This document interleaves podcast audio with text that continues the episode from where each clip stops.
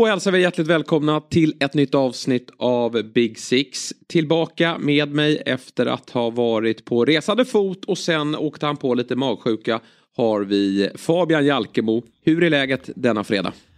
Jo, men det är bättre. Eh, jag blir inte helt återställd men eh, skönt att vara tillbaka. Fan, det är lite abstinens över en vecka sedan man pratade fotboll så det ska bli kul. Och det är bara, det är bara som du sa innan jag åkte, det är bara att lägga ner det jävla Italien när man blir sjuk när man kommer hem också. Så nu, nu är fullt fokus på, på öarna helt enkelt. Ja, det fick vara eh, sista resan dit och, och, nästa resa får väl kanske bli då till, till Manchester och, och någon av alla spännande matcher som ska spelas här Eh, mot slutet av säsongen. Du, vi, vi sätter oss här fredag förmiddag och spelar in och precis innan vi trycker på, på rec så kommer den kanske inte alls för eh, överraskande nyheten att eh, på St. Patrick's Day så får Pat, eh, Patrick Vera eh, sparken eh, från Crystal Palace. Och eh, alltså, jag, jag, har inte sett så mycket rykten kring det. Eh, men eh, det är kanske jag som inte har, har eh, den typen av flöde. Men när, när, när liksom nyheten eh, blir officiell här så är det ju inte att man blir särskilt förvånad. Eller vad säger du? Det har gått lite, jag ska säga, jag, jag läste på The Athletic igår tror jag att det var. Att man skulle diskutera hans framtid på ett möte efter helgen. Så det kom ju liksom verkligen oväntat att det, att det small till idag innan omgången. Och det, det, det har ju på något sätt kommit lite i skymundan att Pallas har varit så jävla dåliga. Man har alltså inte vunnit i Premier League under 2023. Och det har nog med att göra att man, man har legat där bakom Aston Villa på, på 12 plats. Det har varit verkligen ett glapp mellan Aston Villa på, på 11 till, till Pallas på, på 12 eller 13 eller vad det är. Hela tiden och trots att man inte har vunnit, man har tagit sina kryss, man har behållit sin tabellplacering, man har sett att det är liksom 6-7 platser ner till, till botten. Men nu när man kollar på den här resultatraden så det är en deppig jävla historia och nej, som du säger, det är inte, när man zoomar ut från det så är det inte förvånande överhuvudtaget. Nej, alltså det är så här, när man tittar på den där tabellen så har man ju haft typ Crystal Palace på 11-12 plats. Eh, ja, men det känns som att eh, de har varit där hela säsongen. Eh, men faktum är ju att det är ju otroligt tätt där nere. Och det är bara fem poäng ner till, till sista platsen. Och nu tror jag Crystal Palace känner med tanke på den, den senaste, senaste tidens resultat. Men också spel. Jag tror att det var Tutu Balutto som tog upp det att eh, nu, nu sköt de visserligen några skott här eh, i matchen mot Brighton på mål. Men dessförinnan så hade det gått flera omgångar innan dess att eh, Crystal Palace ens hade ett skott på mål. De har inte gjort mål på fyra matcher är det. Och ehm, det är klart att det går ju att titta på den där truppen och konstatera att Patrik Vera har ju inte det, det bästa materialet. Jag tycker att det, det finns en, en, en, styrka i defensiven. Man har ett, ett bra mittbackspar och eh, man, man har en bra målvakt. Men, men tittar man i offensiva led så måste ju Crystal Palace börja pricka rätt med sina värvningar.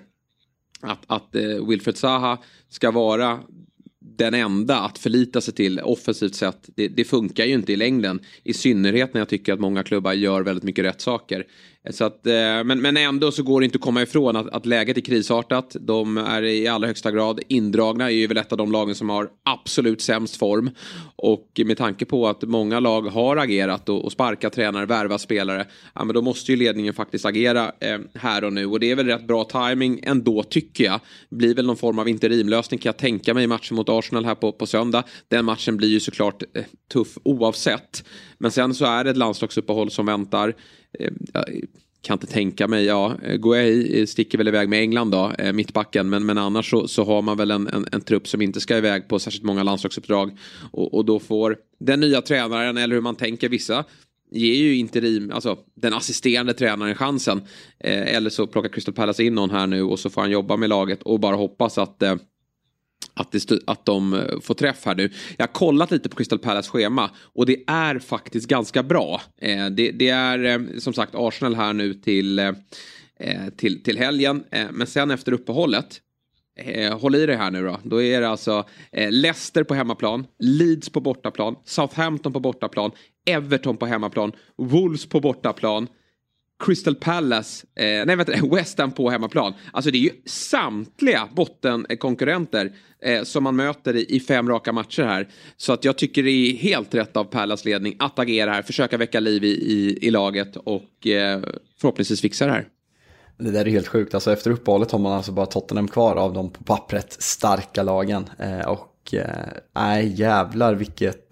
Det är ett ruskigt bra. schema. Därefter, man, precis. Man, man, man, ser ju bra schema men samtidigt läskigt schema. För det är ju de här lagen man slåss mot. Så går ja. det åt helvete så går det åt helvete rejält. Tidigare har man uppenbarligen de här matcherna man förlorat nu har varit mycket mot topplagen. Och det är därför det inte har påverkat ligaplaceringen så mycket. Men här, här kan det smälla rejält i tabellen om man, om man börjar förlora de här matcherna. Ja, eh, och då tror jag att det är bra att man inte går och, och... Alltså jag kan tänka mig att när, när resultaten går emot så pass länge då är det ju många som inte är nöjda med tränaren. Så funkar det i alla klubbar. Och då tror jag att det är bra att, att eh, få in en ny röst.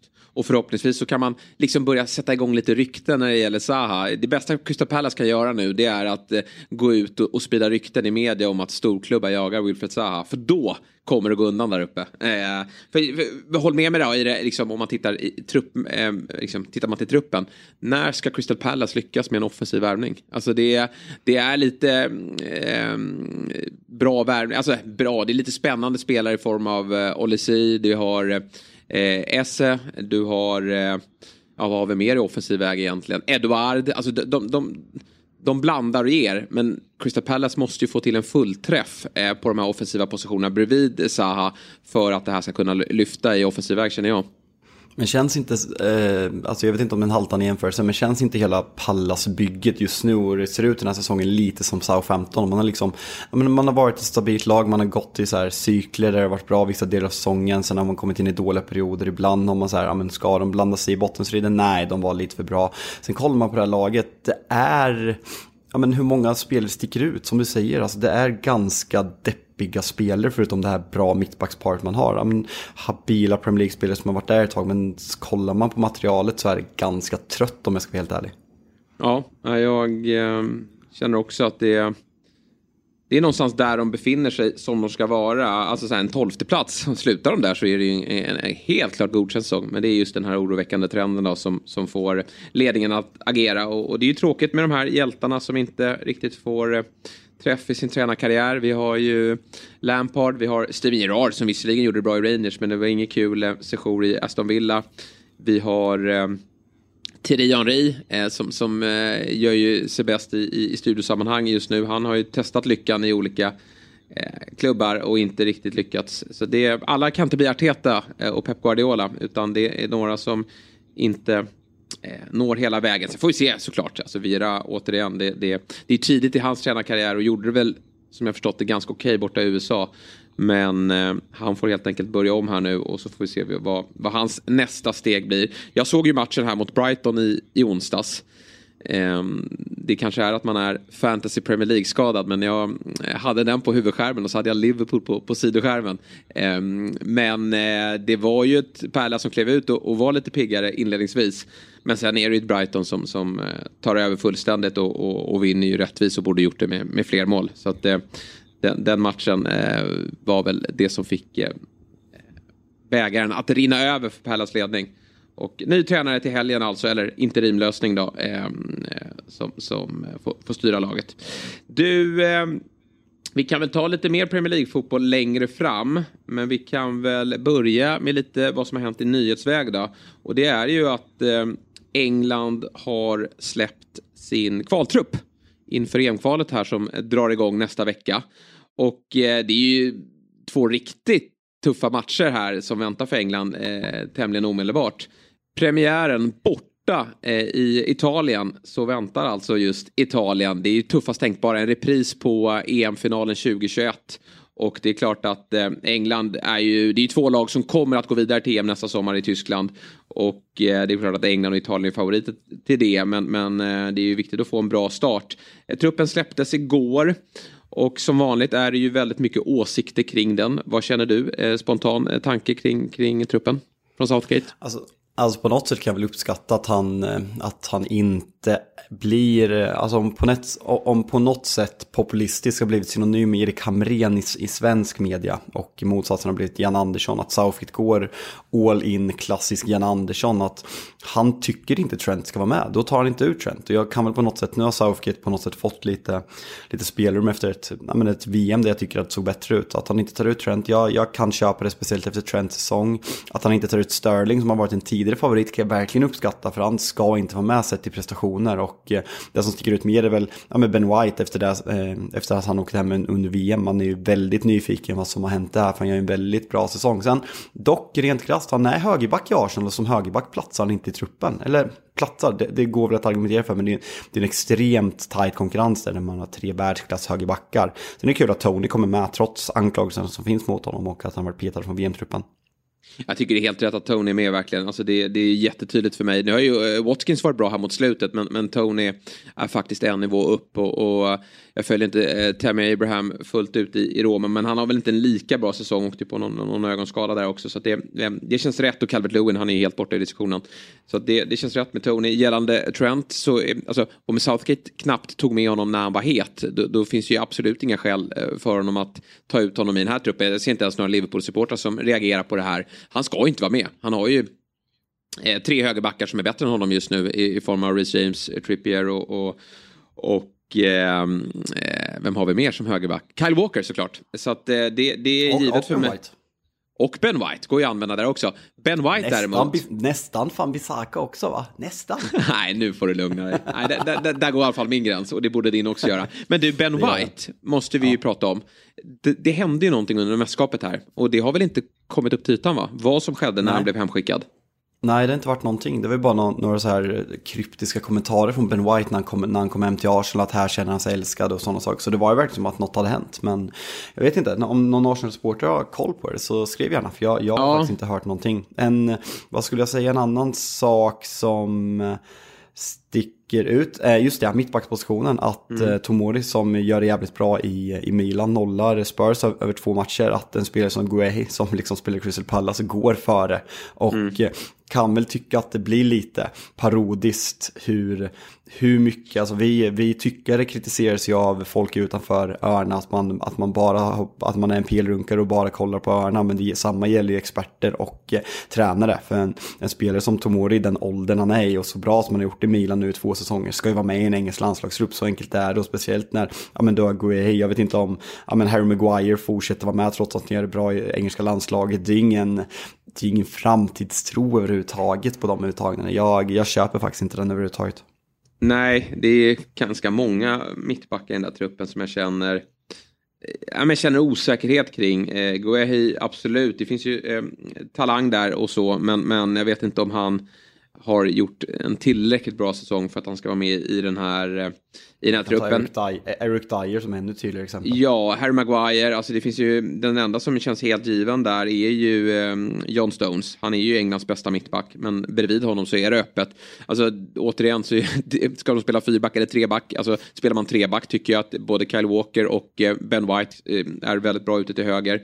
Men i en, i en tvåback, tvåback så tycker jag att John Stones och sen en öppen plats bredvid honom är, känns eh, eh, känns verkligen rimlig för Tomori att ta. Så det, det är ju lite konstigt att han inte är med där. Men vi kan Southgate vid det här laget. Han gillar sina gubbar. Annars känner jag, alltså om man tittar till truppen i sin helhet. Offensiven tycker jag är klockren den här gången. Jag eh, har inga synpunkter på den. Eh, Phil Foden, Jack Grealish, Harry Kane, eh, Marcus Rashford, Saka och Ivan Tony. Eh, Sterling... eh, Starka spelare alltså. Ja, verkligen formstarka spelare. Det, det måste sägas. Det, här är det tuff. Harry Kane helt given. Rashford går ju inte att peta just nu. Och så, ja, det måste ju vara just nu. Det är ju, det är ju Phil Foden hamnar lite i kläm här kanske. Men, men Jack Är- är- Grealish är- gör det ju bra också. Kör, Jesper, tänk om jag kör och spelar Bellingham och eh, Declan Rice på ett sittande och spelar Foden framför, Saka höger, Rashford Ja. vänster. Bam. Definitivt. Hemma mot Ukraina där på, på um, jag tror det är på uh, måndagen eller tisdagen. Ja, ja. Eh, Bort- Italien borta borta, så kan man ju Där- säkra upp. Där blir, där blir det Calvin Phillips och Henderson i hela faderullan.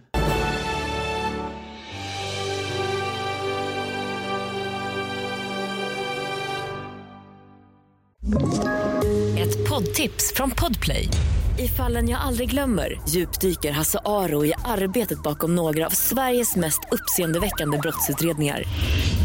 Går vi in med hemlig telefonavlyssning och, och då upplever vi att vi får en total förändring av hans beteende. Vad är det som händer nu? Vem är det som läcker? Och så säger han att jag är kriminell, jag har varit kriminell i hela mitt liv men att mörda ett barn, där går min gräns.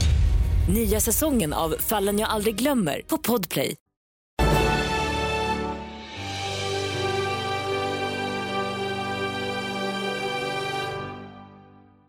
Eh, men däremot känner jag lite oro kring eh, Englands framtid på det centrala mittfältet. Alltså Declan Rice, Jude Bellingham, jättebra. Starta dem, eh, där har vi framtid. Men bakom så, så, känns det lite tunt. Calvin Phillips, varför är han med här? Ja, Southgate gillar honom sedan tidigare men, men det har ju varit en, en misslyckad övergång till till City. Jag tror att han kommer lämna i sommar. Jag, jag ser liksom inte, även fast han har haft skador i år, vad talar för att han slår sig in i det här laget och vad talar för att City vill använda sig av honom. Jordan Henderson är ju ifrågasatt i Liverpool. Han borde vara ifrågasatt eh, eh varför han är med här. Samtidigt känner jag också så här, om man tittar runt, vilka ska ta plats då? Vilka ska eh, kliva in i den här truppen? Men, men eh, det är inga spelare som jag vill se i någon startelva. Conor Gallagher är ju lite mer offensivt lagd, men där tycker man väl eh, kanske att ja, han skulle ju kunna spela här på, på ett centralt mittfält eh, om man vill ha lite mer defensiv touch mot, mot, eh, eh, mot Italien. För ja, det borde kan Vi har ju även Madison där också som är bra. Eh, Mason Mount då? Förstår du varför han är med? Nej, alltså det är väl att han har varit bra i landslaget tidigare. Det är en Southgate-favorit. Eh, ja. Och han, ja, han vill väl komma ur det där. Sen om han kommer lämna, fan det börjar bli mer och mer frågetecken om hans framtid. Vad som kommer ske. Vad, vad som kommer ske. Chelseas utrensning i sommar. Mount som det börjar snackas Liverpool framförallt. Men även Manchester United. Det blir väldigt spännande att se för det finns ju en spelare där, där inne. Och det, det är fan deppigt att se mig som Mount spela fotboll. Hela liksom hans aura runt sig just nu. Det, jag gillar ju honom som spelare så jag tycker det är väldigt tråkigt. Men på något sätt tycker jag väl ändå att det är rätt att han med den åldern så köper jag väl ändå att han är med i en landslagsgrupp när exempelvis ja, men Conor Gallagher som som inte är speciellt mycket bättre och som du säger Jordan Henderson och Calvin Phillips med. Det är ändå ja, men väldigt många på det där centrala mittfältet som inte är formstarka eller egentligen spelar fotboll. För det är väl, alltså Henderson är ju inte tokgiven i Liverpool, Calvin Phillips spelar inte en sekund, Mason Mount har inte spelat alls mycket senaste tiden i Chelsea och eh, Conor Gallagher, nej, spelar till och från i Chelsea. Så det är ändå på något sätt, säger vi att offensiven är toppklass så är det där mittfältet ganska, ganska smalt som du säger, även om det finns en nivå i Bellingham och Rice framförallt. Ja, det, det, liksom, hela laget känns lite ojämnt. Vissa platser finns det Ja, men där, där, känner man att det inte finns någon, alltså det finns konkurrens men det finns inga spelare som är heta. Medan titta på offensiven, där är ju liksom alla är glödheta. Man skulle vilja slänga in alla på, eh, från start eh, och, och, det funkar ju inte. Och så vänsterbacksplatsen, eh, den, den alltså nu är ju Luke Shaw tror jag kommer starta här för det är en Southgate-favorit och han, han gör det bra. Men du har ju även Ben Chilwell som äntligen är frisk och har eh, äntligen börjat komma igång borta i Chelsea. Det finns en, en eh, otrolig höjd där, eh, framförallt offensivt. Och sen då högerbacksplatsen också som är eh, den känns väl hyfsat öppen. Det beror på lite hur man vill formera laget. Kyle Walker vet vi har sina styrkor i defensiven. Reece James har sina i offensiven. Så det beror väl på lite eh, vilket motstånd som väntar och eh, hur det eh, formerar sig. Sen den eviga frågan då. Det är, det är ju de tre målvakterna som togs ut till, till VM. Och, det är väl någonstans rätt. Men det, den stora diskussionen är väl vem som ska stå. Ja, men nu måste det kanske inte är någon jag... diskussion. Alltså för mig, alltså Pickford, jag hatar honom. Hatar honom. Eh, men alltså jag, jag, eh, alltså Nick Pope är en otrolig jävla eh, shotstopper. Vad fan säger man på svenska? Skottstopper, låter vidrigt. Shotstopper. Ja. Han är bra på att ta skott. Jag, Ja, han är bra på att rädda skott och det är det man ska göra som målvakt. Nej, men jag tycker alltså som modern framtidstro allting. Jag tycker att nu är det dags. Ge Aaron Ramsey chansen. Han, gör, han är en ledare på plan, han är bra med fötterna, han är bra på att rädda bollar. Förutom att han uppenbarligen är usel på att rädda straffar. Fick jag det sagt också. Eh, men jag tycker verkligen att det är dags att ge Aaron Ramsey chansen. Eh, det, finns, det är inte omöjligt att Jordan Pickford spelar i Championship nästa år. Så um, det, det är dags nu.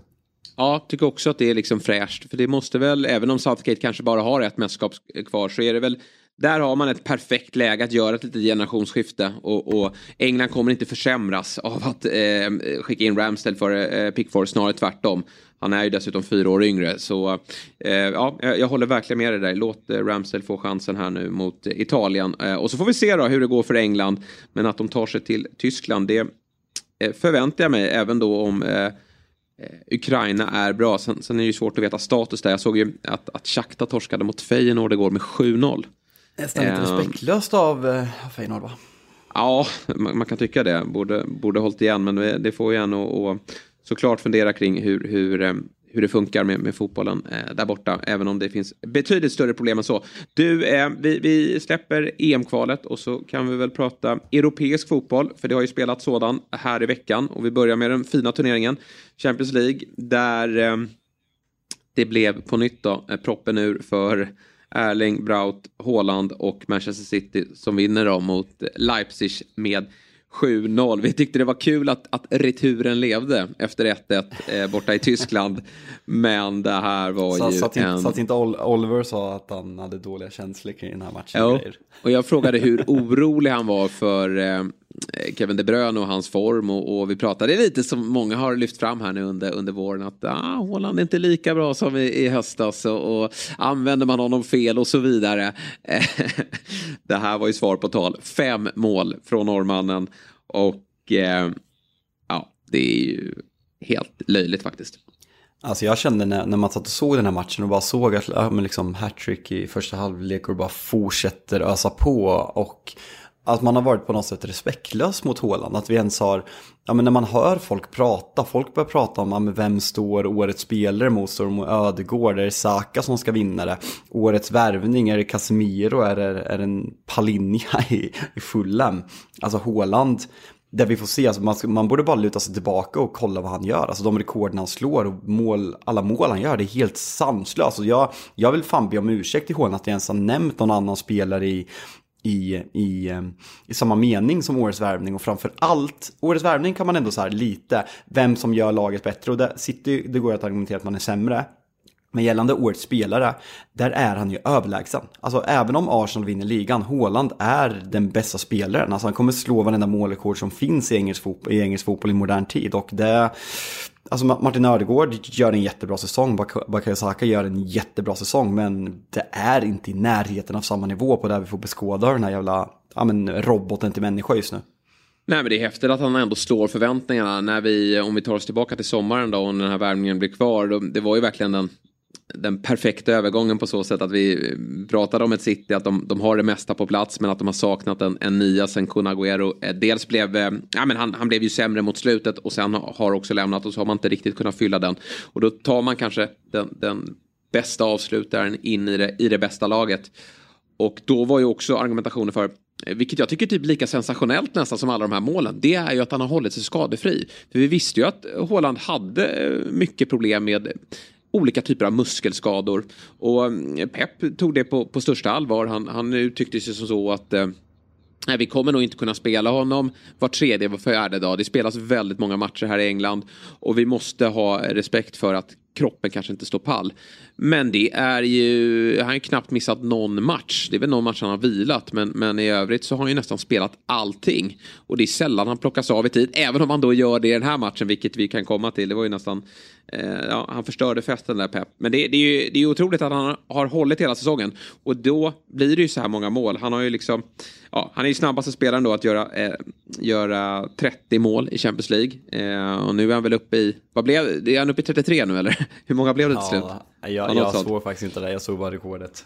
Ja, nej men det, det är ju, eh, och han är den liksom mesta målskytten genom tiderna, eh, genom tiderna i, i City och då har det faktiskt spelat några bra eh, målskyttar där. Så det är, eh, det är fascinerande med eh, Håland. Och det som var Kul att se här då, det var ju också att De Bruyne var tillbaka och gjorde en riktigt, riktigt bra match. Det betyder väldigt mycket för City. Och då vet vi att Haaland automatiskt är bra. Sen tycker jag också, jag vet inte om du ser det i, första halvlek här, eh, för det är ju lite vad Henri har varit inne på, många experter tycker, eh, liksom att, att man ska nyttja eh, Haalands eh, egenskaper än mer genom att våga slå den där avgörande bollen i ett tidigare läge än att bara rulla runt och, och vänta på det perfekta läget och, och sätta honom i spel. Eh, Nathan Ake skickar ju en boll i, i första halvlek i djupet förbi backlinjen. Och där är han ju, han gör inte mål på den eh, chansen, men det är ju helt overkligt. Han, han, startar ju liksom några meter bakom mittbacken, men tar sig på något sjukt sätt förbi med sin styrka och, och kraft.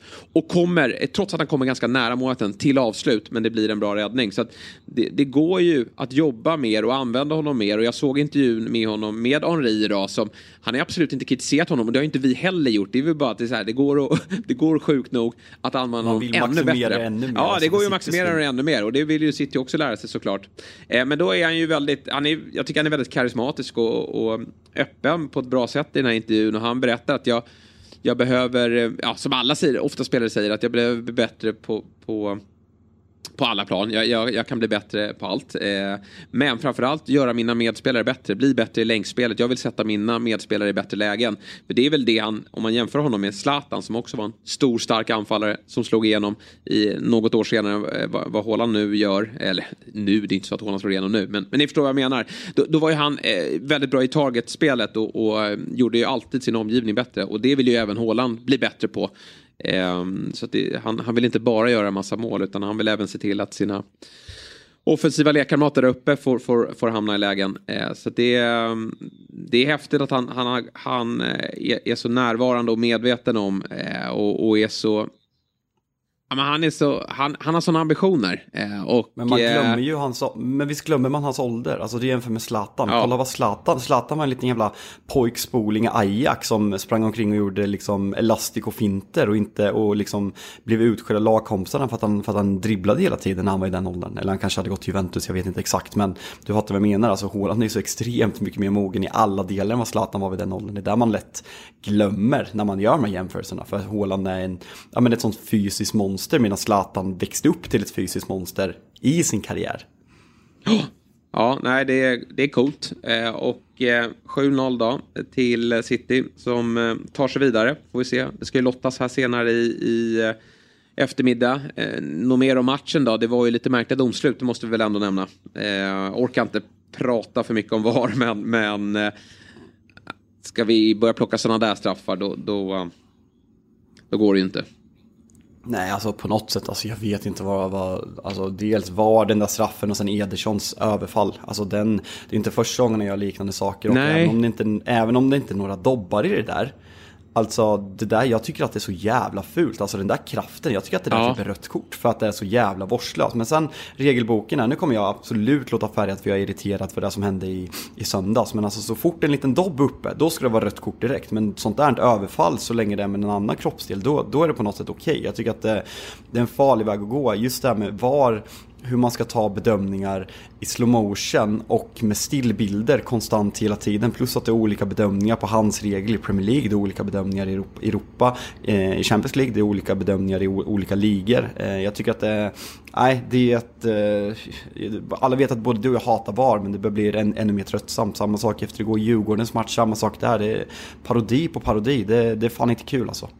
Nej, jag tycker verkligen att du har poäng där. Jag, jag, eh, vet inte om du håller med mig, men jag tycker att Casemiros, att det är rött kort. För dobbarna ska inte upp där. Men du har helt rätt i att det finns ju andra typer av överfall. Och det här är ett överfall. Som anfallare, att det ska komma en målvakt där från ingenstans. Alltså, visst Nej. att man har koll på sin omgivning. Man har en mittback där, man har en ytterback där. Och så kommer en målvakt och kör över en. Eh, varför ska han ha en frizon där ute? Eh, snarare tvärtom. Att, att målvakten ska ju straffas hårdare om han är utanför sitt straffområde kan jag tycka. Men eh, och då, man väljer inte ens att kolla på det utan det slutar med att Timo Werner då får, får ett gult kort. Så att de där, ja, City vinner ju den här matchen. Nej, får de rött där då blir det såklart att det blir något helt annat. Men, men, eh, ja, men det, det, är just hastigheten på Ederson. Ja, men för jag, bara, ja. ska bara snabbt ta det. Ja, det, var, det var ju dagens mest väntade att Fjäll absolut inte skulle tycka att det var rött kort på Casemiro för övrigt. Ja, det är klart. men, men gällande den situationen, jag köper att det är rött kort. Alltså det är en vårdslös tackling, det är med dobbarna, han tar bollen först, sen kliver han in med dobbarna på smalbenet. Sen är det här med, som David är inne på, det var en situation i, eh, i Leicester-Chelsea när, när, de, eh, när, när de tar Havertz bakifrån som är snarlik. Den kollar de inte, den tar de inte rött kort på. Sen är det en som Lavia gör på, på en Brentford-spelare som de inte heller tar eh, rött kort på. Det är ju det, är det som blir frustrerande som tv-supporter när olika domare gör olika bedömningar på snarlika situationer. Och sen så tycker jag verkligen att man måste sluta, när, när domare går ut till, till och kollar på VAR-skärmen, man måste sluta spela, eh, spela stillbilder och spela i slow motion. Alltså det, det, blir mer aggressivt, det blir farligare när man tar stillbilder och slow motion. Fotboll spelas inte slow motion kolla på situationen, hur den ser ut live, då får man en bättre uppfattning hur den egentligen är. Det är väl egentligen där jag känner. Sen är det klart att jag känner mig eh, frustrerad när det drabbar min klubb, men, men, men så är det som supporter. Men eh, just det tycker jag är jävligt farligt med VAR, att hålla på och liksom spåra tillbaka i slow motion fram och tillbaka. Det, det, det, ser så jävla mycket värre ut hela tiden och det är som att man vill straffa snarare än att fria, det gillar jag inte. Sen tycker jag att VAR, det ska ju liksom verkligen bara användas när, när eh, när det är något helt galet. Alltså, om domaren har gjort sin bedömning utifrån vad han har sett, då, då, då, då ska det gå. Eh, om man inte har missat något för att man, man har haft dålig sikt eller, eller det dyker upp något som, som eh, man verkligen inte såg i första läget. Ja, den där tröttsamma diskussionen släpper vi eh, och kommer tillbaka säkert i nästa avsnitt. Men du, eh, på onsdagen fortsatte Champions League-kvällen för de engelska lagen. Och det var väl en av de absolut mest lama Eh, ja, en lamaste match man någonsin sett, höll jag på att säga. Men, men eh, Liverpool eh, åker till eh, Bernabéu eh, med, ett, eh, med hopplösa förutsättningar. Samtidigt så vet vi att, att det där laget har ju stått för magiska kvällar tidigare, men det kanske är främst på, på Anfield. Men precis som säsongen 18, 21, 22 så åker Liverpool ut mot Real Madrid. Och man kände sig lite rånad på en, en, en spännande retur här. Eh, för det hade ju om, eh, det blev lite för stora siffror på Anfield helt enkelt. För det var väl ingen som trodde på det här. Eh, alltså man, man, fick ju på något sätt upp hoppet, om, man, om jag får uttrycka att jag får upp Nu gör jag det. Eh, neutral, glöm aldrig att jag är neutral. Nej, precis. Nej. Nej, men man fick väl ändå upp, jag ska, jag ska alltså säga att jag fick upp hopp. Jag, jag ska alltså sitta och säga att jag fick upp hoppet efter att Liverpool vann med 7-0 mot United. Ja, ja. Mm. ja dit har vi kommit. Eh, ja, ja men man, man, fick ändå lite upp hoppet att de skulle ha en chans efter 7-0. Att liksom mm. möjligt, från att det var 100% kört till att liksom, ja, men man åker dit med en tro. Alltså kan man göra 7 på United kan man göra 3 på Real Madrid. Men eh, det var ju det som var ganska, ganska deppigt här, för man kände ju redan efter 5, 6, 7 minuter att nej, det här, det här kommer inte gå. Real Madrid är för bra och Liverpool har inte, och det är något med Real Madrids jävla spel och lag och aura som inte passar Liverpool. Du nämnde det, fyra av de sex senaste gångerna har man åkt ut mot Real Madrid i Champions League och det det är ju häpnadsväckande. Ja, det är... Eh, men, och sen är det så här, Real Madrid har, är ju Europas bästa lag, eh, sett i historiken. Och jag tycker så här att när man jämför de där mittfälten så blir det väldigt eh, tydligt att, att eh, Real är, är bättre på på varje mittfältsposition och, och, över två matcher är oftast det som, som vinner matcher. Ehm, så att, eh, och Real höjer sig i, i, den där typen av matcher. Så det, det har blivit lite av ett bogeyteam. Men det är väl inget att skämmas över att det är just Real Madrid som är ens bogeyteam. Liverpool utslagna får ju då eh, helt enkelt eh, fokusera på på ligan framåt då eh, och, och, försöka eh, jaga ifatt den där eh, fjärdeplatsen som kommer att bli väldigt spännande. Men tuffa och tunga nyheter då. Den som har imponerat mest på det där mittfältet det senaste halvåret det är ju eh, den unge mittfältaren Bajsetic som nu eh, är out för resten av säsongen. skadad. Ja, ett slag. Jag, jag vet, har du sett någon status på Thiago? Det kommer ju ett passande landslagsuppehåll nu, eh, där man kan få Diaz tillbaka exempelvis. Men eh, känslan är det där mittfältet, om Thiago är borta längre, Bajsetic out för, för, säsongen och ja, Fabinho har kommit igång lite, men då, då är det Elliot, Henderson och, eh, och Fabinho som är där ordinarie mittfältet med inte mycket bredd där bakom. Jag, har du hört något med Thiago eller? Alltså, det Klopp sa senast här är att eh, Luis Diaz, han ska ju... Eh Ja, men han, han kan nog vara tillbaka efter uppehållet. Eh, Thiago, han är igång och, och tränar men, men de får se utvecklingen här. Så att, honom tror jag man hoppas på absolut att han ska vara med och, och bidra mot slutet av säsongen. Sen om han är tillbaka efter, efter EM-kvalet. Det, det verkar inte vara helt klart. Men, men eh, det är eh, såklart problematiskt här med, med eh, så eh, fortsatt många skador. Och eh, för Liverpool då som har en Eh, Eh, ålderstigen trupp och, och liksom att, att, att Milner ska starta den här matchen. Redan där kände jag att det här, det här ska ju inte gå eh, i matchen mot Real Madrid. Och eh, det är ju en utrensning som väntar i sommar.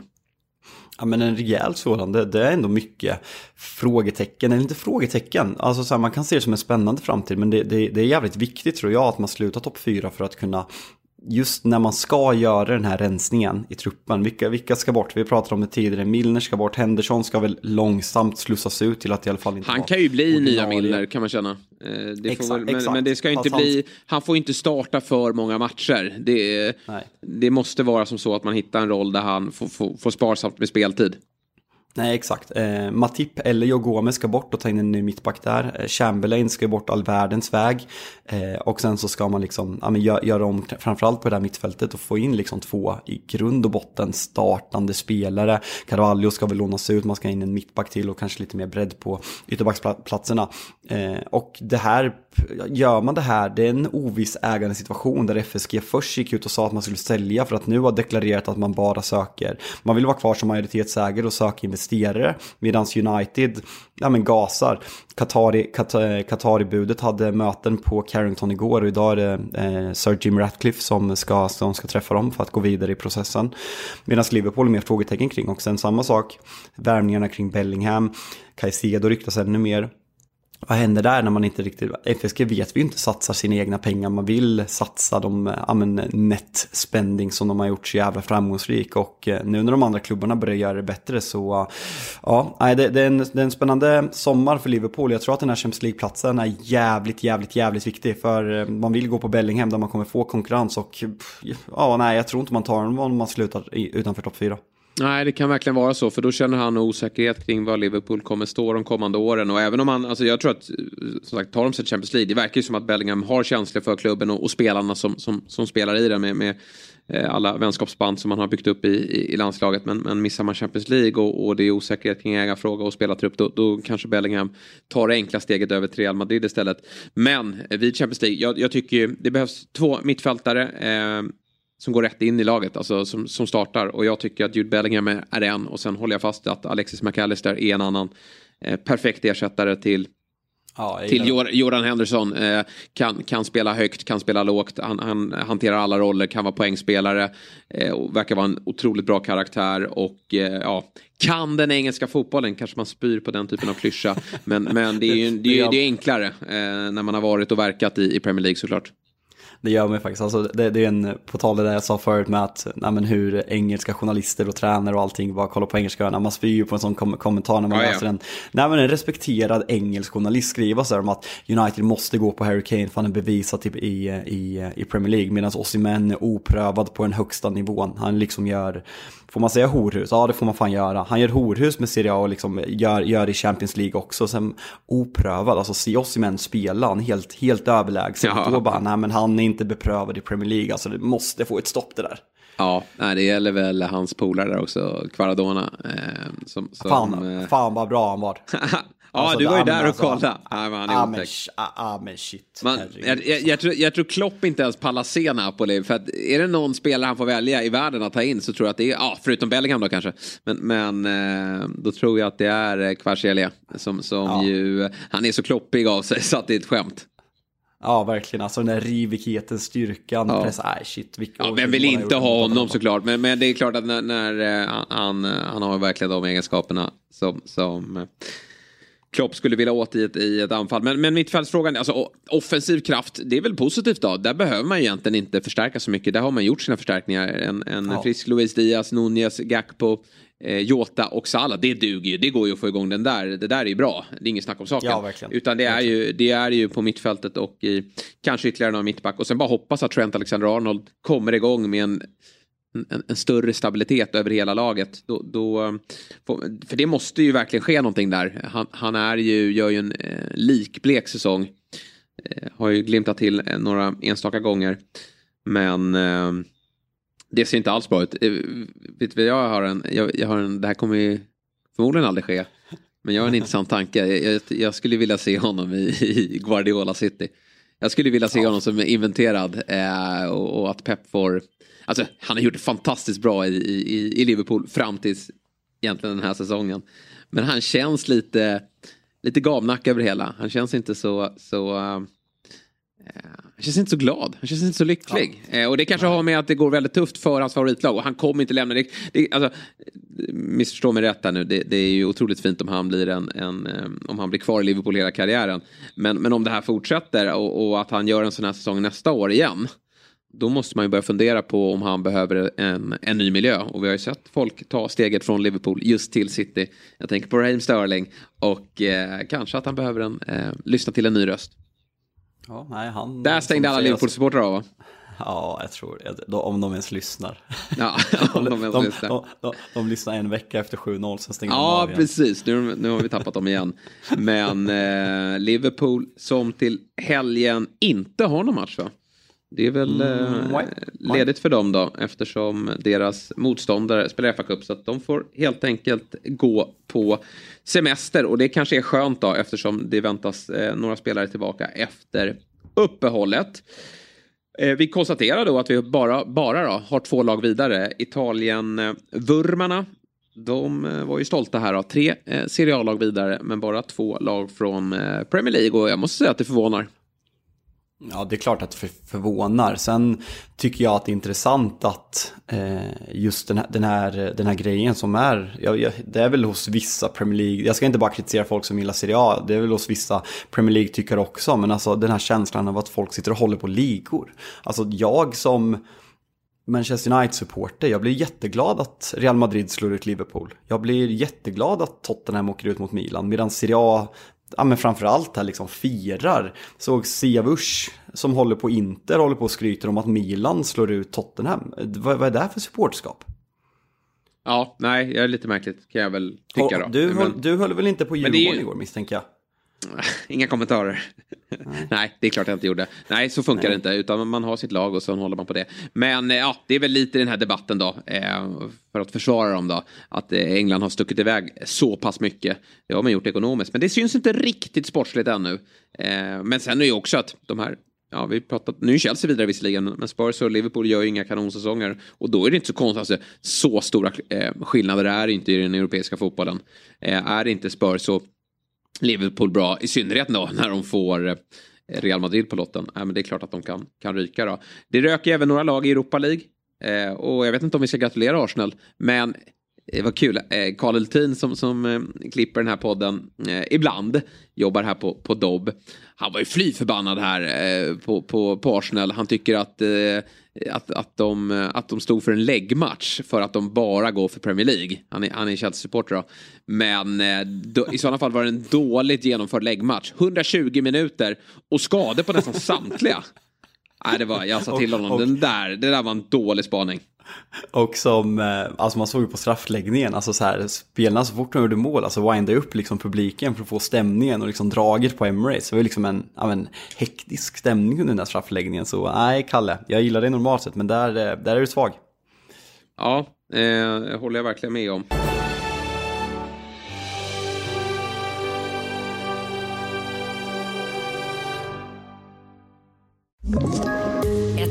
Poddtips från Podplay. I fallen jag aldrig glömmer djupdyker Hasse Aro i arbetet bakom några av Sveriges mest uppseendeväckande brottsutredningar. Går vi in med hemlig telefonavlyssning och, och då upplever vi att vi får en total förändring av hans beteende. Vad är det som händer nu? Vem är det som läcker? Och så säger han att jag är kriminell, jag har varit kriminell i hela mitt liv men att mörda ett barn, där går min gräns. Nya säsongen av Fallen jag aldrig glömmer på Podplay.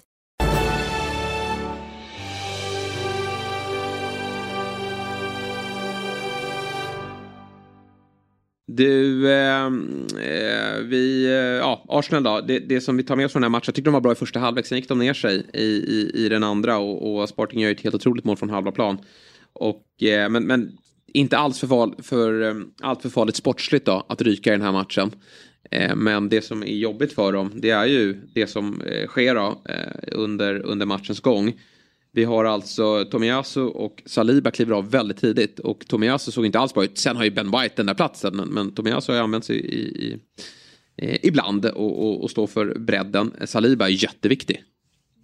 Ja, jätteviktigt. Där har, ingen, där har de ingen ersättare. Det är ju bland de viktigare spelarna, förutom Thomas Partey och Saka kanske. Eller Saka har man, har man ju bredd för nu helt plötsligt. Men jag skulle säga att Saliba är en av de absolut viktigaste spelarna i laget. Så det där är ju katastrof om han missar en längre period. Eh, Norman är tacksam uppdrag mot Crystal Palace på söndag för att studsa tillbaka. Eh, vilket är jävligt viktigt för dem. Men nej, det här var en usel läggmatch eh, får, vi, får vi helt enkelt säga. Ja, det får man ju konstatera för det har ju... Men jag, må, jag, måste bara fråga dig, förlåt att jag avbryter, jag måste bara fråga dig gällande det här. Alltså man ser ändå, vilket är rimligt på något sätt, eh, ja, men många Arsenal-supportrar efter matchen, ja, men det var bra att vi åkte ut, synd med 120 minuter bara, men typ att det var bra att vi åkte ut, nu kan vi fokusera på ligan. Är det rätt att tänka så? Alltså jag förstår att man gör det, men säg att man, alltså rent krasst, kolla Europa League nu. Jag, på pappret håller jag nu, alltså Arsenal och Barcelona som på pappret var de två bästa klubbarna har åkt ut. Nu, ja men Juventus är väl efter Manchester United på pappret den bästa klubben. United ses väl som ganska stora favoriter nu. Det är väl en superchans för Arsenal här att ta en titel. Säg att City går och vinner den här ligatiteln, är inte det här något som kan bygga en vinnarkultur i en klubb som Arsenal om man går miste om ligan? Nu helt plötsligt ja, men, man åker ut mot fjärde laget i portugisiska ligan. Gå City och vinner, vad, det är en säsong som ger, fram, som ger hopp för framtiden, absolut. Men samtidigt, den, den missar jävla chans sin titel här för Arsenal. Ja, jag tycker också att det fanns lite möjligheter där att gå längre och, och faktiskt eh, kunna uppleva något, något, stort här. För att hade Arsenal vunnit den här så hade jag hållit dem som, som favoriter till att ta hela eh, hela Europa League Exakt. faktiskt. Och i synnerhet nu när man har den här bredden eh, som, som har dykt upp. Nu är Enketia skadad en tid här men, men när han är tillbaka så finns det en fantastisk bredd på, i, på de offensiva positionerna och man har även förstärkt med Jorginho på det, på det centrala mittfältet. Och, eh, I backlinjen finns det faktiskt också eh, några spelare att, att ta av.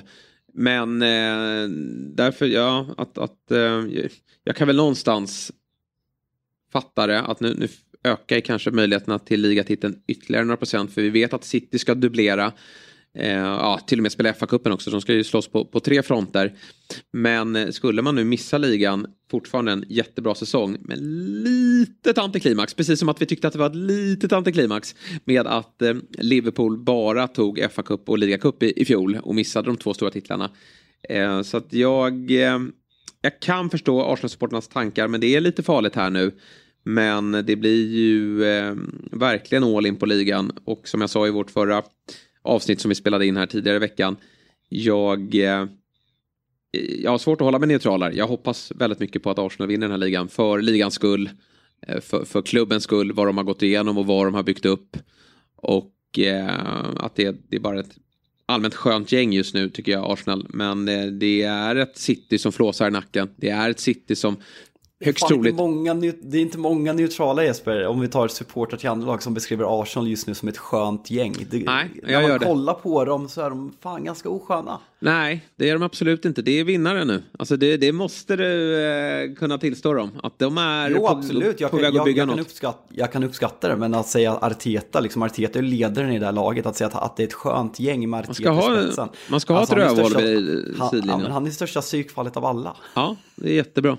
Det är precis ja. så det ska vara. Det är, Ten Hag är för snäll. Ja, men han har ju börjat tappa det. Han har börjat ja, jag vet. Games nu. Han, han trollar. Det, det, vet fan jag gillar det. Lite så här dålig förlorare nästan när vi, har, när vi har tappat nu i ligan och eh, utvisningar och börjar klaga på domare och börjar skylla på skador och att Arsenal Dock, han trollar in Arsenal skador lite fint där. Men gällande Arsenal, ja, jag, jag bara, ja, men just, eh, just din beskrivning av sköna, den håller jag inte med om. Sen, jag, jag, eh, jag tycker Arsenal är ett som supporter ett jävligt lättälskat lag. Jag hade dött att ha Arteta vid sidlinjen. Men jag förstår att man blir provocerad. Jag har inte blivit det än så jävla mycket. Men jag förstår folk som blir extremt provocerade över hur han är. Och det, det är så konstigt med Arteta. För han var ju han var ju verkligen nej, men en gentleman på plan, kändes som en ledare, ganska, nej, men som en Martin Ödegård-ledare, en ganska lågmäld ledare, pratade inte, syntes inte mycket, så här, rak i ryggen, snygg spelstil och nu att han är som han är på fotbollsplan. Det, jag har svårt att få ihop det på något sätt, det är det som, det är, det som är så konstigt, men nej, det, jag, jag, jag, jag blandar och ger vilka jag hoppas ska vinna titeln. City är den enkla utvägen för ingen bryr sig om dem. Eh, negativa med det är att de kommer då vinna tre rad och har chans att slå Uniteds rekord på tre rad. Men Arsenal, ja, Arsenal-supportrarna är på med så jävla mycket. Så när de är på med för mycket, då börjar jag hoppas på City också. Men Tror du att det, det blir bättre nu då? Efter ditt lilla utspel här. Jag har sagt att de inte är sköna. Men det, det är aldrig beskriva. Nej, de är fan inte sköna. De är fan inte sköna. Men fotbollsälskaren i mig vill att Arsenal vinner, eh, vinner Premier League. För det är, ett, det är tro på att man, att man kan komma underifrån ja. och, eh, och göra något jävligt stort och utmana de stora hästarna med. Alltså det är fel att säga med, med mindre, mindre medel, absolut. Men kolla vad den här truppen kostar så det är inte direkt billigt. Men alltså att gå från att vara så nära sparken som Arteta var för ett och ett halvt år sedan till att vinna Premier League, det vore, ja, men det vore så jävla häftigt. Så jag, jag landar nog att jag håller på Arsenal. Mm. Slida min DM och ge mig kärlek. Ja, exakt. exakt. Nu, där är vi överens då. Och, även Pet och Petter, Petter, Landén är, Petter Landén är också med oss, det vet vi. Eh, att han, han håller ju också på Arsenal i den här eh, titelstriden. Du, United då? Vad har vi för status där? Det var ju eh, enkelt att ta sig vidare mot poplaget borta i Spanien, Real Betis. Ja. Ja, behöver inte prata jättemycket om det, men oväntat enkelt sett i första matchen. Alltså de ligger ändå fem och gör det bra i La Liga, att man går vidare sammanlagt 5-1, eh, oväntat. Eh, konstigt att de spelar Bruno Fernandes igår igen, riskerar avstängning och borde vilas, men eh, ja, han, eh, han har någon tanke.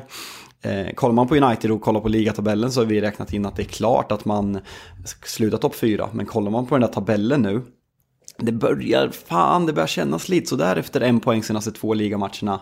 Och ett jävligt sönderkört, icke-roterat lag som spelar överlägset mest matcher i hela Europa. Så man börjar bli lite, lite orolig. Och med Casemiro avstängd i tre ligamatcher också. Så uh, vi får se, det, det är viktiga matcher nu. Newcastle borta härnäst och sen Brentford hemma. Brentford som alltså, jag tror man har torskat en match sen i oktober. Så eh, två riktigt viktiga matcher för United. Mm. Vad eh, blir viktigast då? Så här, Europa League kontra FA-cupen? Eh, uh, alltså, jag säger ändå Europa League. Mm. Eh, FA-cupen är inte den turneringen den var. Sen samtidigt skulle det bli City en FA-cupfinal så väljer nog den, eller då väljer jag den över en Europa League-final. Men det, det, är något, även om det är Europa League, det är något med europeiska cuptitlar. Um, så jag, från nu säger jag det, blir City en FA-cupfinal så tar jag hela FA-cupen. Shit vad jag jobbar Brighton i FA-cupen. Jag måste säga det ändå. Alltså detta ja, det älsk, älskvärda lag som är, eh, gör en så bra säsong. Återigen då den här matchen mot Crystal Palace. Vilken, vilken, vilken fart, vilket, vilket spel han har satt, vilken rörelse de har. Eh, och, och eh, ju täta bakåt också. Det har jag förstått att det Serbien haft problem med i, i tidigare klubbar. Att det har släppts till en del mål men, men jag tycker de ser stabila ut. Och det, det är väl för att det försvarsspelet också som Potter byggde upp lever vidare så att han har gjort det på bästa eh, tänkbara sätt. Då. Eh, sen lär ju Brighton bli totalt sönderköpta här i sommar. Alltså Mittoma, eh, han är ju ruskig alltså. Och, åter McAllister och, och sen så... Caicedo. Caicedo, eh, Solly March har eh, blivit hur bra som helst. Det var många som ville att han skulle vara med i Englands... Eh, i Englands trupp här, men det där, hade han spelat på någon annan position så hade det funnits bättre möjligheter, men där är det svårt att, att slå sig in. Det är väl bara att man kanske inte riktigt hittar fortfarande då i, i Brighton den här tydliga nian. Alltså, Ferguson har ju all, alltså, det är ju där man ska bygga till nästa år. Han blir ju startman men, men det är ju fortfarande han och Welbeck som slåss lite om den där platsen och ingen tar väl riktigt chansen. Men eh. gällande, Brighton, gällande Brighton har vi pratat för lite, alltså kollar man på tabellen, alltså har vi pratat för lite att de är en, de är en utmanare till Champions League. Alltså vi har Absolut. pratat om Europa, men de är verkligen som de ser ut. Alltså kollar man alla statistiska tabeller så är man ganska tydligt Premier Leagues tredje bästa lag efter Arsenal och Manchester City. Eh, vi har väl på något sätt pratat, vi har bara pratat om, ja men United har vi räknat klart, sen har det varit kampen mellan Tottenham, Newcastle och Liverpool, men Brighton vinner man sina hängmatcher med samma poäng som Tottenham och före Liverpool. Eh, så eh, Brighton ska vi fan inte räkna ut Champions League-platserna. Kliver ju in i ett ganska så tufft schema här efter uppehållet då. De, ja men dels möter de Brentford i, i um, första mötet eh, och eh, den är inte helt lätt. Eh, sen har man ju för sig Bournemouth på bortaplan. Sen då, Tottenham borta, Chelsea borta, City hemma. Det är väl där de får, får visa vad de, vad de står för. Men ja, de kommer ge alla de här lagen en, en, en rejäl match. Eh, för det, så, så bra fotboll spelar de. Sen är de ju såklart känsliga för skador. Och eh, Estopinian och, och Mittoma, de ska ju iväg långt här nu och, och spela kvalfotboll. Jag får se vilket skick de kommer tillbaka i. Men, men eh, Brighton, eh, där de är nu så ska de ju definitivt spela i Europa nästa år. Sen får vi se i vilken, i vilken, eh, vilka lag, vilken tävling. Ja, ja, exakt vilken tävling det blir. Jag måste bara, gällande, gällande förra avsnittet, jag, jag, en sak som jag reagerar på, när ni satt och pratade Newcastle och Alexander Isak. Tre aik sitter och pratar och jämför Alexander Isak in, intåg Newcastle med David Silvas i Manchester City. Nej, nu var du, hörru, nu feberyrade du. Det gjorde vi inte. Oliver satt och sa att det här kan bli vad, vad David Silva blev för starten på Manchester, Aha, för Manchester City. Så, När, sa vi så? Och ni, ja, det gjorde, det gjorde Nej, men det är första profilvärvningen liksom. Alltså, jag, jag tror jo, inte man ska... Bruno, yeah. Bruno, Gimare, Bruno Gimares var väl första och Trippier var ju andra. Alltså, ah, Alexander okay. Isak, alltså rent krasst. Alltså, okay, sett, till, sett till prislappen, fine skador, men han har ju varit en jättebesvikelse. Eh, Alex så, Isak? Så Ja. Nej, nej, nej, nej, nej. Nu, nu tar du i. Alltså, vi, här måste vi verkligen ta hänsyn till skadorna eh, som har varit. Eh, men det vi har sett hittills har varit bra. Ja, okej, okay, jättebesvikelse. Jag ja, det men, var... Jag tycker han men... når upp, men vi, man får bedöma över längre tid. Och nu, jag såg att Eddie Howe uttalade sig igår att han är jättenöjd med att nu ser han äntligen i, i vara i fysisk form. Förhoppningsvis är det här starten på att, att han spelar väldigt många matcher. Um, ja, och det är, där, och det är väl... det han behöver. Mm. Men det var ju en fin match senast. Det kan ju även en Norrköpingsbo ja, konstatera. Ja, Ja, ver verkligen. Ja. Jag, ville bara, jag ville bara ta alla, Ja, alla det icke-AIK som lyssnar. Just jämförelsen, det var så här, Ja. ja. men han, är, han är Newcastles David Silva. Jag bara så, nu Mm. Nej, men lugnar vi ner oss. Där tog vi, eller Oliver då får jag, får jag skylla på där. Där kanske vi tog i li, lite väl mycket. Möter i Nottingham Forest ikväll då, Newcastle. Vem, du som gillar att, att dela ut favoritskap, eh, vem är favorit i fjärdeplatsen? Eh, Liverpool. Mm. Du står kvar där. Det är ju sig hedrar att du, att du gör det. Stångar din eh, panna blodig. Jag är lite irriterad att jag föll tillbaka där efter eh, 7-0 då på Trafford och, och sa något liknande. Men jag har ju stört mig på Liverpools eh, sätt att spela ganska länge. Så att jag, jag är lite irriterad. Men du, vi kan väl blicka fram mot helgen då. Eh, tänker jag. Det är ju fa Cup-fotboll ska spelas. Men jag är ju otroligt taggad på Manchester City Burnley såklart. Dels för att eh, Hjalmar Ekdal som jag har en hel del kontakt med då ska möta eh, som klev av i tid här nu. Fick inte göra sex mål i, i, i Champions League men han kommer ju definitivt starta i den här matchen. Jag tror City kommer, med tanke på att det inte det är landslagsfotboll så tror jag att Pep kommer blåsa på och spela bästa tänkbara lag. Och så kommer ju eh, Company på besök. Eh, Ja, och eh, eh, det ska bli kul att se Burnley som slaktar Championship. De bara, det, det är häftigt med dem för att man kan ju tänka, de spelar så många matcher. Eh, och, och, och alltså, de har ju säkrat sin Premier League-plats, inte i, i, i teorin men, men i praktiken. Då kan man tänka att så här, när det är match var tredje dag att man tappar lite fokus och går på någon mina här och där. Men det gör de ju aldrig. Alltså de, de fortsätter att vinna och, och visar att de är alldeles för bra för Championship. Skulle, jag tror inte ens de skulle tillhöra den här bottenstriden vi ser just nu i Premier League. Eh, och då ska det bli så kul att se dem då mot, mot eh, ett av de absolut bästa lagen vi har i, i, i världen. Och eh, vilken typ av fotboll de kommer spela. Så den är jag ju taggad på. Eh, och sen såklart då eh, att eh, eh se om eh, ja, Fulham kan störa United i, i FA-cupen. Om vi får en skräll där. Har, vi, har vi några toppmatcher i Premier League? Det har vi inte riktigt va? Uh, nej, det är ganska tråkiga matcher. Eh, uh, Chelsea-Everton, uh, så jag, nej fan. Nej, det är ganska, vad har vi? Rabbla igenom dem. Villa, Bournemouth, Brentford, Leicester, Southampton, Spurs, Wolves, Leeds, Chelsea, Everton, pa- Arsenal, Pallas. Så det är ganska... Alltså den, ja. det mest intressanta är ju Wolves Leeds faktiskt. eh, För, för eh, bottenstriden där, eh, tänker jag. Där eh, tror jag Wolves känner att eh, en trepoängare där och vi kan få lite arbetsro. Då, då trycker vi ner Leeds lite längre ner i tabellen. Och vi kliver upp på 30 poäng. Ja, det, det skulle betyda massor för Wolves där, precis som Leeds då. Vinner man inte den typen av matcher, då, då, ehm, då kanske man inte spelar Premier League säsongen 23-24. Nej, samma sak. Southampton Spurs blir intressant. Alltså Southampton är på något sätt svårslagna hemma. Spurs har haft det tufft borta och Spurs, får man inte grepp om Liverpool så är det ju omöjligt. Alltså Tottenham, säsongen 2022-2023 är kanske det lag i världshistorien av fotboll som det är svårast att få grepp på. Man sitter och sågar dem till knäna och ifrågasätter vart, att man, vad, vad Conte gör där, ska Kane vidare, för att, för att då torskar man med 1-4 mot Leicester, för att nästa, nästa, när man ifrågasätter dem som mest, då vinner man och är bra igen. Sen åker man ut mot Milan när man börjar hylla dem, det, det får inget grepp på det här Tottenham alltså. Nej, får se vilka de mönstrar där framme. Det, eller, det mesta pekar väl på att det blir eh, Richarlison, Kane och Son. Eftersom det funkade bra mot, mot Forre senast. Och det är lite läskigt för, för oss svensk romantiker om det blir fortsatt bra här då, eh, mot en ny ganska ja, enkel motståndare i Southampton. Då har vi nog Kulusevski på bänken här en, en, eh, en tid framöver kan jag tro. För det är ju ändå den där trion. Alltså Richarlison har man lagt väldigt mycket pengar på. Och, och känner man att nu, nu börjar det funka då är det klart att han kommer att spela. Ja, eh, bra eh, Fabbe. Vi kommer ju Vet, såklart vet att... du vad vi har glömt? Nej, Vi ska nämna att West Ham gick vidare i Conference League. just det. Mm. Eh, Måste vi nämna. vi- 6-0. Ja, det blir Timmy som gästade oss här i podden glad. Eh, sen är frågan om han är glad att de tar sig till Europa och vidare. Då. Det känns som att de behöver ha ett fokus på ligan. För där är situationen eh, prekär.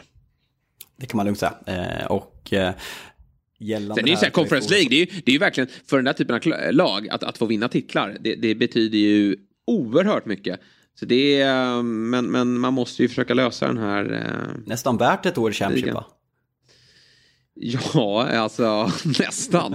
Det skulle nästan kunna vara det. Men de har ju i, i omstarten sen efter, efter landslagsuppehållet, då har de Southampton på hemmaplan. Den är ju brutalt viktig för dem. Eh, Ja, och nej. de har väl en, en landslagstrupp då, Declan Rice ska iväg. Eller de har väl bara Declan Rice ska iväg, sen har ju de en ganska intakt trupp. Men David Moyes, han verkar sitta säkert. Ja, det är, jag vet inte om jag ska säga att det är häftigt eller konstigt, men alla Eh, supporterna vände sig ju mot honom på, på arenan för någon vecka sedan. Men styrelsen verkar, jag vet inte om det är att de inte har någon ersättare eller att de verkligen tror på David Moyes eh, lösrande. De går långt i Europa så kan jag väl uppskatta det att man, ja men då måste man ändå gå vidare i sommar. Eh, de har förutsättningar att ta, ta nästa kliv, men jag, jag tycker väl att det är häftigt på något sätt. Ja, det får man säga. Men du, eh, bra eh, Fabbe. Kul att du är frisk och kry och eh, rapp i dina åsikter. Vi eh, gör väl som så att vi avslutar där och så eh, kollar vi på mycket fotboll i helgen och sen så hörs vi. Jag tror faktiskt det får bli måndag. Eh, Ja, inga, då- inga, inga toppmatcher direkt. Så Nej. Det blir jättebra. Måndag förmiddag spelar vi in på nytt och så släpper vi det där någonstans under, under måndag eftermiddagen. Och sen blir det lite landslagsuppehåll så det, det blir nog bara ett avsnitt i, i, i nästa vecka då. Eh, och sen när eh, landslaget har spelat sina två matcher, det blir kul att prata England, möter ju både Italien och Ukraina. Sen laddar vi upp inför spurten av diverse eh, ligor och eh, Europaspel då. Fan vad fint, och lottning om några timmar också ska bli Just det! intressant. Den blir ju superintressant, den får vi ta ner helt enkelt då. Eh, när Alltså, vi hörs. Champ- Cha- alltså Ja. Champions League, det är, det är jävligt spännande för det känns verkligen uppdelat om vi tar kvalitet på pappret. Alltså den, den vänstra sidan om vi tar de på pappret starkare lagen så har vi, vad har vi Bayern München, Real Madrid, City och Napoli medan de andra eh, Milan, Inter, Benfica och Chelsea, det är inga dåliga lag men det känns ändå ganska tydligt uppdelat i vilka, vilka man helst vill ha på en lott och vilka man inte vill ha. Alltid kul med eh, lottningar. De brukar väl lotta semifinalerna också då. Så då får man se hela, hela vägen fram då till en, en final. Då får vi se hur det går för Chelsea och City. Med det sagt, eh, tack Fabbe. Tack till alla er som har lyssnat. Vi hörs i början på nästa vecka igen.